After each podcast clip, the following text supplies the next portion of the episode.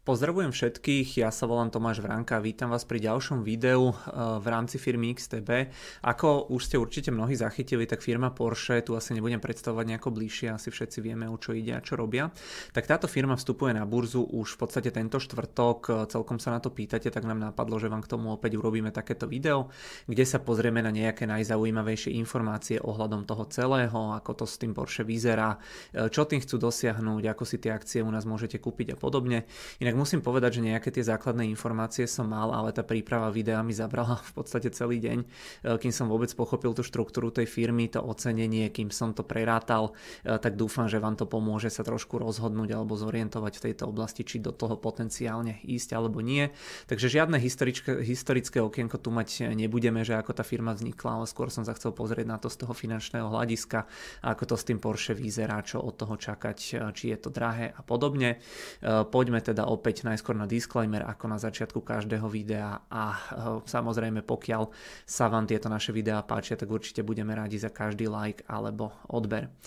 Eh, ktorá firma vlastne ide na burzu? Začnem teda hneď zo strá, trošku vám pomotám hlavu, aby sme sa eh, v tomto jesenom počasí trošku prebrali, pretože celá tá štruktúra Porsche je naozaj veľmi, veľmi komplikovaná a sú tam potom ešte aj rozdiely v rámci toho, koľko percent firmy kto vlastní a koľko percent hlasovacích práv kto má. Eh, takže teraz sa naozaj poriadne koncentrujte, lebo je to riadny zmetok. Existuje firma Porsche SE, tu môžete vidieť túto úplne hore. Tu vlastnia ovláda rodina Porscheovcov a Piechovcov Nemcov, tí by mali vlastniť všetky kmeňové akcie tejto spoločnosti Porsche SE. E, preferenčné akcie vlastnia potom aj iné subjekty, podľa Bloombergu, čo som pozeral, je to možno e, ale nejakých e, do 20% firmy, takže v podstate menšina. Porsche SE, to je teda táto prvá spoločnosť, teda potom vlastne zhruba 31% alebo 32% akcií Volkswagenu. Ten Volkswagen tiež asi teda všetci poznáme, ale zároveň tí piechovci alebo teda tá Porsche, tá firma Porsche SE zároveň má až zhruba 53% hlasovacích práv v rámci toho Volkswagenu, takže ho de facto ovládajú. E, potom druhý a tretí najväčší akcionár Volkswagenu je e, na druhom mieste s 12% a s podielom 20% na hlasovacích právach spolková krajina Dolné Sasko, takže normálne aj táto krajina je do toho nejakým spôsobom za, zapletená. A 10,5% podiel a 17% podiel na hlasovacích právach vlastní v podstate krajina Katar takže e, naozaj by som povedal, že ide človeku z toho až hlava vybuchnúť. No a v podstate e, teraz, aby som uviedol na pravú mieru, že ako to bude vyzerať po vstupe toho Porsche na burzu, tak máme tu ešte okrem tej spoločnosti Porsche SE klasickú firmu Porsche, to je Porsche AG, to je to, čo ide na burzu. Takže my sa budeme baviť nie o tomto Porsche SE, ale o tomto Porsche AG. E, toto Porsche AG rozdeli svoje akcie v pomere 50 na 50 na prioritné a kmeňové akcie. A bude to vyzerať tak, tak, že toto pôvodné Porsche SE bude vlastniť e, alebo kúpiť 25% plus jeden kus tých kmeňových akcií, takže bude mať celkovo 12,5% e, e, podiel v rámci tejto novej spoločnosti plus jednu akciu. Volkswagen potom bude vlastniť 75% z tejto firmy. Tie akcie budú teda rozdelené na 37,5 a 37,5% na tie preferenčné a kmeňové, čo bude vlastniť ten Volkswagen a zvyšných tých približne 12,5% preferenčných akcií by sa malo upísať v rámci toho IPO. Z toho by mal mať Qatar 2,5 percentuálneho bodu, ten sa teda predbežne nejako dohodol, že má záujem navýšiť e, svoj e, podiel alebo teda pozíciu v rámci tejto spoločnosti, takže ak som správne pochopil, tak voľných ostane asi 10% z tých e, celkových akcií toho Porsche, takže naozaj veľmi, veľmi zložitá štruktúra. Ja som sa to snažil tu spraviť nejakú takúto jednoduchú infografiku. Ehm, veľakrát sa tam pletie firma Porsche SE, Porsche AG, sú tam potom rozdiely aj v tom, čo vlastnia tie jednotlivé spoločnosti, aký podiel na hlasovacích právach majú. Ehm, každopádne je dôležité pochopiť, že to jedno Porsche s tým už sa na burze obchoduje, to je toto vrchné, viete ho inak potom kúpiť aj u nás pod tickerom PAH3.de. To je ale toto vrchné Porsche a teraz sa budeme baviť vyslovene o tej značke, len teda o tej firme, čo vyrába Porsche auta. Takže keď nepoviem inak, tak odteraz vždy, keď poviem Porsche, tak to bude znamenať toto Porsche AG dole. Ak by potom pre niekoho táto moja grafika bola moc zložitá, tak v podstate našiel som ešte takéto niečo, kde je to pokreslené alebo popísané trošku iným štýlom. Takže naozaj dosť metok, snad som to ale nakreslil alebo vysvetlil správne. Ak som aj v podstate niekde urobil chybu, tak to nie je z toho investičného hľadiska až tak podstatné, pokiaľ teda nechcete investovať miliardy ako niektorí ľudia, čo to bežne robia, lebo v podstate je tam ešte dôležité to, že pokiaľ by ste boli naozaj nejaký miliardársky investor, tak tie preferenčné akcie, ktoré sa teraz upisujú, sú bez hlasovacieho práva, takže kontrolu si v podstate v konečnom dôsledku cez spleť týchto firiem ponechávajú tie rodiny Porsche a Piech. Po spočítaní celého toho by mali mať okolo 53% na tých hlasovacích právach, čo by teoreticky mohlo odradiť veľkých investorov, ale dáva to výhodu zase nám malým investorom, ktorí chceme participovať na fungovaní firmy bez toho, aby sme ju chceli riadiť. Takže naozaj veľmi zložitá štruktúra, ale ak by ste ju aj úplne e, do detailu nepochopili alebo by vám to prišlo príliš zložité, tak nič sa nedieje. Len teda som tým chcel ukázať alebo povedať, že je dôležité iba rozlišovať, že je v podstate jedna firma Porsche, ktorá je na burze a druhá firma Porsche, ktorá sa tam teraz chystá. E, každopádne akcie, tie by sa mali obchodovať podľa prospektu, e, ktorý dám potom pod video, tam boli uvedené nejaké základné informácie, tak tie akcie by sa mali obchodovať v rámci toho prvého dňa alebo tá úpis popisovacia cena by mala byť zhruba 60, 76,5 eh, až 82,5 eur za jeden kus akcie, teda podľa tohto prospektu. Eh, firma by tak eh, v podstate tým 12,5% podielom, ktorý ide takto na tú burzu, cielila na to, že vyberie okolo 8,71 až 9,39 miliardy eur. V podstate, keď to zrátame, tak cieľia, alebo ak by sme to prerátali na celú tú kapitalizáciu, tak tá by mala výsť zhruba 70 až 75 miliard eur eur. Pred časom bol plán dokonca e, ešte 85 miliard eur. Len pre porovnanie, tak aktuálne má Volkswagen 85 miliard eur, takže Porsche ešte pred pár týždňami plánovalo, alebo teda cieľilo na takúto trhovú kapitalizáciu.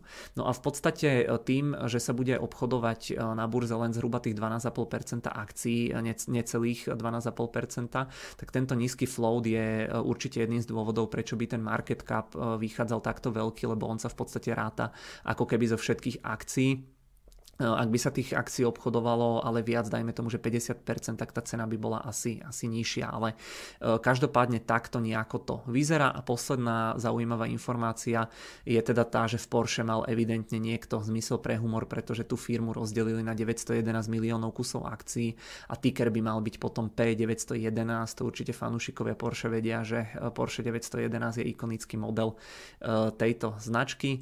Inak, ja už som to spomínal, ale tam v podstate sa Katar zaviazal, že kúpi ešte dosť veľkú časť týchto akcií, takže naozaj celá táto štruktúra je veľmi, veľmi zložitá, ale toto sú v podstate tie základné informácie, ktoré by ste mali e, poznať.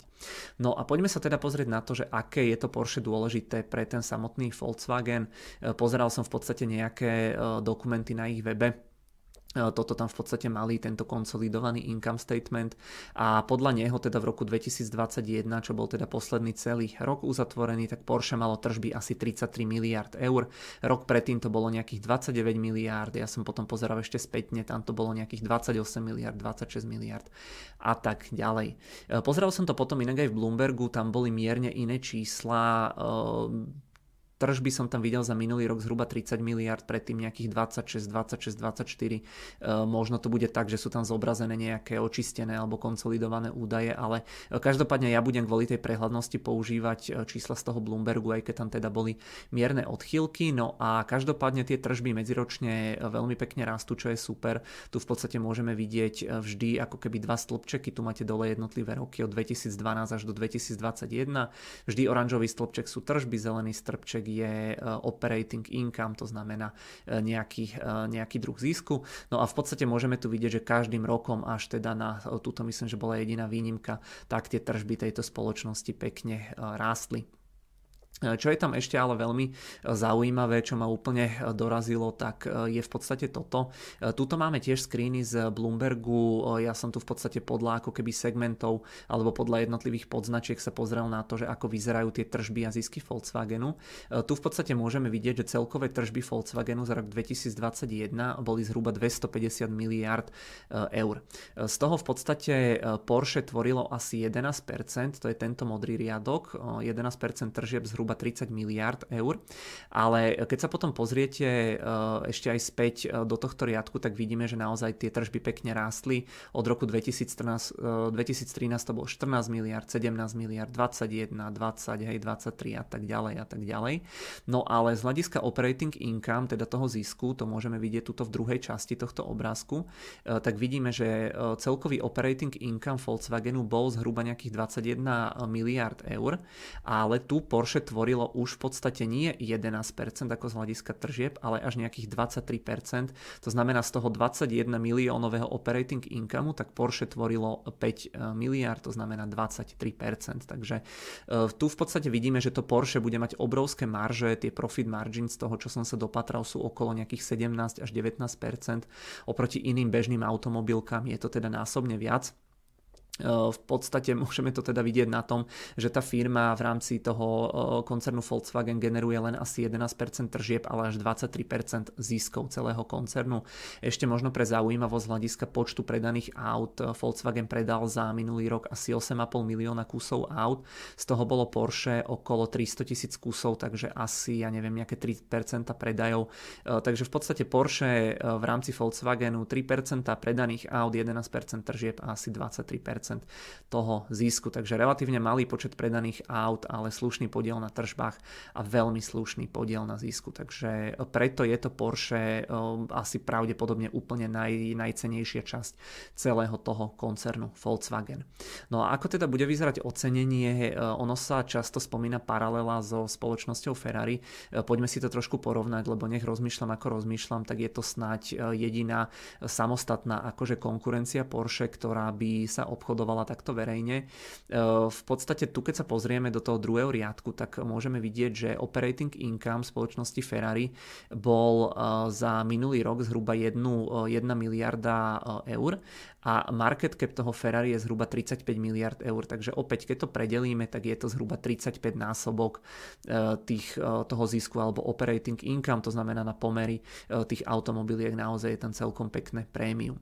Keď sa potom pozrieme na to Porsche, ktoré ako som spomínal, tak operating income má zhruba 5 miliard e, teda eur a cieľi na trhovú kapitalizáciu tých 75 alebo dajme tomu 70 až 75 miliard eur, tak je to v podstate nejakých 14 až 15 násobok, takže je to o niečo menej alebo relatívne o viac ako polovičku menej v porovnaní s Ferrari, ale stále je to na ten automobilový e, segment relatívne teda dosť. Ja som vám tu k tomu urobil aj takú tabulku na porovnanie pre tú predstavu, aké drahé alebo lacné to Porsche je. E, opäť e, ďalší riadok do toho porovnania, tu v podstate môžeme vidieť Volkswagen, ten má trhovú kapitalizáciu zhruba 85 miliard e, eur a operating income zhruba 20 miliard, takže je to nejaký 4, 4,3 násobok ziskov, takže mi to tam celkom sedí, že tá bežná automobilka Volkswagen sa obchoduje za nejaký možno štvornásobok, Porsche ako exkluzivita za 14 až 15 15 násobok a Ferrari e, ako veľmi exkluzívna značka za zhruba 35 násobok ako možno nejaké iné veľmi silné značky. E, inak tie marže sú potom aj tak niekde v strede. Ferrari má profit margin e, okolo 25% a Porsche možno okolo tých 18%, takže celkom to sedí aj z tohto hľadiska. No a ešte možno porovnanie s inými spoločnosťami. Stellantis má trhovú kapitalizáciu zhruba 40 miliard eur, operating income 16 miliard, takže zhruba 2,5 násobok a napríklad ešte BMW má trhovú kapitalizáciu 48 miliard, operating income zhruba 12 miliard, čo je teda e, štvornásobok. E, či je v podstate ten multiple pri tom Porsche na úrovni 15 veľa alebo málo, to je asi vec nejakého individuálneho pohľadu. E, na tie pomery všeobecných automobiliek je to relatívne dosť, ale Porsche nie je bežná automobilka a moc to v podstate nie je s čím porovnávať možno s tým Ferrari, ale to je zase ocenené ešte niekde oveľa vyššie, takže v podstate na to, či je to drahé alebo lacné, tak na to si musí odpovedať každý sám, ale je to teda jeden z tých dôvodov, prečo, e, prečo alebo tie vysoké marže, alebo tá exkluzivita je jeden z dôvodov, prečo si to Porsche e, dalo takýto vysoký cieľ. No a e, každopádne musím povedať, že podľa toho, čo som čítal, alebo teda podľa toho, na čo som sa pozeral, tak si to Porsche celkom verí, pretože tento rok nie je vôbec ideálny, čo sa týka sentimentu na akciových trhoch, na to, aby ste robili IPO, tie z hľadiska objemu oproti minulému roku poklesli o viac ako 80%, takže naozaj nie je úplne ideálny rok. E, taktiež je to automobilový biznis, ktorý je veľmi cyklický a asi nemáme pred sebou najlepšie obdobie, takže ten cieľ majú podľa mňa dosť ambiciózny. E, okrem toho je stále v prípade toho automobilového segmentu problém s čipmi, s logistikou, e, sú tam rastúce ceny energií, automobilový priemysel je energeticky veľmi náročný, ale zase povedzme si úprimne, ľudia, čo kupujú Porsche, tak asi prečkajú aj tú prípadnú recesiu celkom v pohode. Takže možno by som to nazval že to môže byť ešte aj taký anticyklický kúsok v tom veľmi cyklickom automobilovom segmente. Neviem, uvidíme.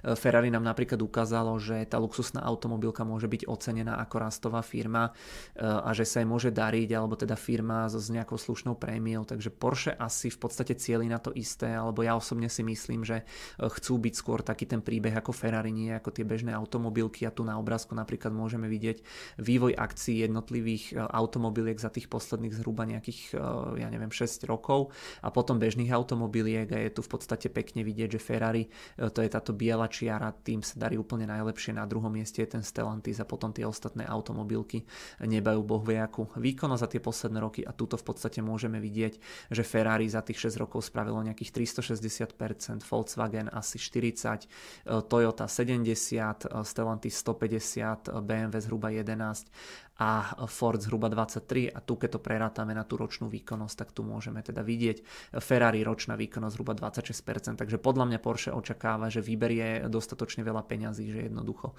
to s nimi dopadne možno podobne ako, ako s tým Ferrari, ale každopádne E, uvidíme. E, plus samozrejme paralela v rámci tých spoločností aj v tom, že obe firmy sa spoliehajú na tie klasické modely e, s benzínovými motormi, ale investujú aj teda vo veľkom do tej elektromobility.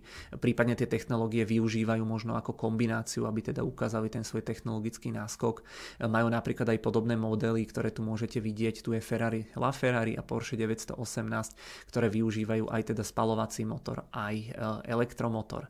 No a sú tam Mm, na druhej strane ale aj rozdiely. Porsche oproti Ferrari vyrába obrov, obrovské množstvo aut. Nie je to až taká exkluzivita, len samotných Taycanov eh, Porsche predá asi štvornásobne viac ako Ferrari všetkých aut za celý rok. Takže za mňa je to asi taký trošku, nechcem povedať, že nejasný model, ale niečo naozaj medzi tým Ferrari a medzi tými bežnými automobilkami, eh, pretože myslím si, že chcú byť ocenení eh, možno niekde na ako keby v strede tej cesty medzi bežnými automobilkami a tým Ferrari, lebo jednoducho to nie je až tak exkluzívne exkluzívna značka. E, okrem toho Ferrari e, je tam rozdiel aj v tom, že Ferrari neriadi už rodina zakladateľov a obchodujú sa vo väčšej miere na burze. E, Porsche budú stále prakticky riadiť tie dve rodiny, čo som spomínal a okrem toho tam má podiel aj Sasko. V Nemecku sú potom silné odbory, je to niečo proste úplne iné. Takže otázka za milión, či investori uznajú to Porsche, alebo či tomu Porsche uznajú podobné ocenenie ako má Ferrari, alebo dajme tomu o polovičku nižšie, alebo Porsche ocenia napríklad o trochu lepšie ako len tie bežné automobilky. Porsche si asi myslí, že to bude niekde v strede, inak by to nerobili. E, ešte raz teda podotýkam, že tie bežné automobilky sa obchodujú za možno 5 násobok ziskov, Porsche cieli na 15 násobok a Ferrari je možno na tom 30 až 35 násobku, takže myslím si, že takýto nejaký je ten e, úmysel toho Porsche že prečo to robia. No a ak by išlo všetko podľa plánov, tak Porsche by mohlo byť teoreticky piatou najväčšou automobilkou na svete. Tu v podstate vidíme ten zoznam. Prvá je Tesla, Toyota, BYD, Volkswagen a to Porsche by mohlo byť naozaj na piatom mieste. Predbehlo by napríklad Mercedes-Benz, GM, Ford, BMW alebo teda Hondu. No a e, ten záujem si myslím, že tam bude minimálne zo strany tých e, veľkých investorov. Ja som niekde čítal, že predbežný záujem hneď po zverejnení e, toho IPO prejavilo veľa tých veľkých vysokých subjektov, napríklad aj nejaký norský, teda ten štátny ropný norský fond, rovnako ten Katar, ktorý som spomínal, takže ja osobne si myslím, že to bude už úspešné a že tá otváracia cena pre nás bežných smrteľníkov bude ešte o niečo vyššia ako tá oficiálna upisovacia cena. Niekde som ale zase videl, že nejakí analytici predpokladajú dve tretiny z tejto predpokladanej hodnoty, takže pravdu nám ukáže asi až ten štvrtok alebo prípadne možno tie najbližšie dní potom, po tom vstupe na ten, na, na, na ten oficiálny trh. No a teda ešte čo sa týka toho biznis modelu firmy, tak v podstate to, že cieli Porsche na luxus alebo na nejakých tých bonitnejších zákazníkov, to už asi vieme. Čo sa ale potom týka elektromobility, tak ten minulý rok bola okolo štvrtina predaných aut elektrická. Tu môžeme vidieť ten elektrický Taycan, ale myslím si, že sa Porsche tých spalovákov asi úplne definitívne nechce vzdať, pretože by mu to asi zobralo čas proste z toho kultového statusu. Firma jednoducho potrebuje na prechod na tú elektromobilitu peniaze a takto ich môže získať bez toho, aby im niekto v podstate kecal tej rodine alebo tým rodinám do riadenia tej firmy. Takže tieto peniaze by mali byť použité z toho, čo som sa dočítal na tento prechod na tú elektromobilitu, plus aj na prechod na samoriadiace autonómne systémy a software celkovo. Tam inak automobilkám potom do kapusty lezú aj tie veľké technologické firmy, napríklad Apple s tým svojim novým CarPlay. Takže peniaze sa možno použijú aj na vývoj v tejto oblasti. Elektroauta v rámci Porsche by potom do roku 2030 mali tvoriť asi 80% z celkového počtu predaných aut Porsche. Silné stránky za mňa v prípade Porsche sú to, že je to naozaj silná značka, že to môže byť naozaj také anticyklické želiesko v ohni, slabé stránky možno to, že to portfólio tých aut nie je úplne široké firma nemá veľa modelov a celkovo sa trochu obávam o tie európske automobilky v rámci proste tých dodávateľských reťazcov elektromobility, čipov a podobne. Príležitosť zase môže byť to samotné vyzbieranie peňazí, tie ak sa dobre investujú do tých kľúčových oblastí, tak to môže byť super a tie rizika vidím napríklad v tom, že cieľ je nastavený celkom ambiciozne v oblasti toho IPO, ale tam je to podľa mňa naozaj nevyspytateľné. A taktiež tu máme čínsku konkurenciu, hlavne v oblasti tých elektroaut, ktorá je čoraz lepšia a možno do nejakých 5 až 10 rokov rokov prídu e, s nejakým e, reálnym športiakom. E, možno to teraz nie je ako neuveriteľne, že by nejaká čínska automobilka mohla konkurovať Porsche, ale to isté sme si možno hovorili 5 až 10 rokov s telefónmi alebo s počítačmi a pozrite sa, kde tá Čína je teraz, takže no, asi, asi tak. No a poďme sa ešte pozrieť vyslovene na tú technickú stránku. Tie akcie potom budeme mať v ponuke hneď od čtvrtka. Čo si ale pamätám, tak tie prvé dni sa pre nás bežných ľudí to obchodovanie alebo e, ten prvý deň toho obchodovania sa pre nás bežných ľudí to samotné obchodovanie reálne spustí až keď na trhu vznikne nejaká tá kniha objednávok, nejaká tá likvidita, vytvorí sa cena. V prípade tých amerických akcií, čo si pamätám, vždy to trvalo až pár hodín po otvorení trhu, takže predpokladám, že to bude podobné aj tu. V praxi sa teda treba pripraviť na to, že to možno nebude úplne likvidné, môžu tam byť aj nejaké technické problémy na tých burzách s tým nákupom, cena môže naozaj výrazne lietať hore-dole, takže ak do toho chce niekto ísť, tak určite ako pri každom IPO sa treba pripraviť na to, že to nemusí ísť úplne hladko a bez problémov, čo ale e, určite väčšina z nás vie. E, Preč, pre väčšinu z nás je asi aj jasné to, že ako tie akcie sa kupujú, ale predsa určite sú tu aj nejakí nováčikovia, tak vám narýchlo ukážem, ako tie akcie v kúpiť. Najskôr sa pozrieme na to, že ako sa to dá kúpiť cez počítač a potom cez mobil. No a ešte možno, e, že prečo by ste tie akcie mali kúpiť cez ten náš Xstation, e, je to naozaj super platforma, máme nulové komisie, máme slovenskú a českú podporu a robíme pre vás aj takéto super videá, tak dúfam, že to oceníte nákupom, že keď to Porsche budete chcieť e, kúpiť, tak že si vyberiete XTB ako svojho brokera. No a poďme teda do tej platformy, ono to v podstate bude vyzerať nejako takto, dajme tomu, ja tam napíšem to Porsche, čo už sa obchoduje, to v podstate môžete vidieť a keď ho chcete nakúpiť, tak sem do toho vyhľadávania jednoducho napíšete názov tej spoločnosti, ťuknete na toto objednávkové okno, tá cena by tam potom mala byť okolo tých, ja neviem, 70 až 80 eur. Dajme tomu, keby, že chcem nakúpiť za 800 eur tie akcie, tak túto si ťuknem, že 10 kusov a túto ťuknem iba na tlačidlo buy. Takže cez počítač je ten nákup veľmi, veľmi jednoduchý, len teda ešte raz opakujem, že toto je v podstate to Porsche SE, celý ten holding a teraz na burzu bude vstupovať Porsche AG, ktoré v tej platforme budeme mať až vo štvrtok, takže keď chcete kúpiť to Porsche, čo vstupuje na burzu, tak toto Porsche, ktoré vám teraz ukazujem ešte nekupovať, to bol naozaj iba príklad. No a ešte sa teda pozrieme, pozrieme do mobilného telefónu a potom sa vrátime do prezentácie. Takže Xstation mobil, tamto v podstate funguje tak, že stačí si kliknúť e, sem vpravo hore do toho okna vyhľadávania. Môžem si aj sem napísať e, tú Porsche akciu, ktoré som spomínal. E, ešte raz opakujem, nie je to tá akcia, o ktorej sme sa bavili, je to ten, to Porsche SE, ale takýmto spôsobom si potom cez mobilnú aplikáciu pridáte aj to nové Porsche, čo budeme mať v ponuke, takže stačí si na to v podstate ťuknúť, kliknete si sem potom na plusko, dáte si to napríklad pridať do obľúbených, dáte si uložiť a keď to budete mať uložené, vrátite sa späť. Na vrchu zoznamu by ste mali vidieť tú akciu, ktorú, si tam, e, ktorú ste si tam pridali. Takto na ňu ťuknete. Tuto v strede v rámci toho objemu si navolíte počet kusov. Ja som predtým ukazoval 10 kusov. E, teraz mám tu navolených 10 kusov a na práve zelené tlačidlo buy, kebyže teraz ťuknem, tak sa ma platforma teda opýta, či som si istý a kebyže dám áno, tak sa mi tie akcie nakúpia. Takže naozaj veľmi jednoduchý proces aj v rámci tej mobilnej e, aplikácie alebo mobilnej platformy Xstation. Takže Takže takto si viete nakúpiť tie akcie.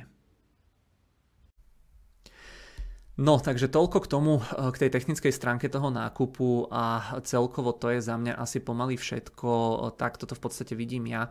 Ja som inak nad týmto videom začal premýšľať už niekedy v piatok po obede alebo večer, cez víkend mi potom priebežne napadalo, alebo som rozmýšľal nad tým, že ako to uchopiť. Na internete som totiž k tomu niečo čítal, stále všade boli len nejaké suché informácie o tej cene, proste o tej trhovej kapitalizácii a podobne, tak som to chcel dať trošku takto do kontextu, že ako tá firma bude ocenená, prečo bude podľa podľa mňa, prečo si možno zaslúži trošku ten vyšší násobok, vyšší multiple, prečo firma e, toto, alebo prečo si môže veriť e, na to, aby vybrala toľko to peňazí. Chcel som vám ukázať, nakoľko je rentabilná, aká je dôležitá pre ten Volkswagen a podobne. E, to ma v podstate tiež hneď zaujalo, že teda Porsche cieli na rovnakú trhovú kapitalizáciu, ako má ten samotný Volkswagen. Tak som to chcel trošku v kontexte vysvetliť, že prečo to tak je. Takže asi, asi toľko k tomu, k tej mojej motivácii, že prečo som sa pustil do tohto videa videa. Môj tip je inak potom taký, že po tom prvom obchodnom dni bude mať Porsche väčšiu trhovú kapitalizáciu ako ten samotný Volkswagen, to znamená, myslím si, že e, po tých akciách bude dopyt a že sa budú obchodovať vyššie, takže uvidíme Prípadne si môžeme dať hlasovačku aj po týmto videom, že kto si myslí, že e, Porsche bude mať úspešný ten deň prvý alebo nie. Takže toľko asi k tomu. Záverom teda pripnem určite tie komentáre po toto video, pripnem vám tam potom určite aj tie odkazy, čo som spomínal. No a možno dve otázky do diskusie, či si tie akcie kúpite, či vás to teda zaujalo táto spoločnosť. A druhá vec, či si myslíte, že by sa tej firme darilo prosperovať aj v nejakých zlých časoch, ktoré nás nás teda pravdepodobne z toho ekonomického pohľadu čakajú. E, za mňa už teda naozaj všetko. Ja vám ďakujem veľmi pekne za pozornosť. Určite v prípade otázok ma môžete kontaktovať buď teda cez mail, cez telefón, cez e, Facebook alebo aj Twitter. No a e, budem určite, e, určite rád, pokiaľ teda dáte e, aj nám teda v rámci sociálnej siete YouTube odber, alebo keď si prehráte nejaké naše predchádzajúce videá. Takže kto sa ide pustiť do Porsche, tak držím palce a budem sa na vás tešiť pri ďalšom takomto videu.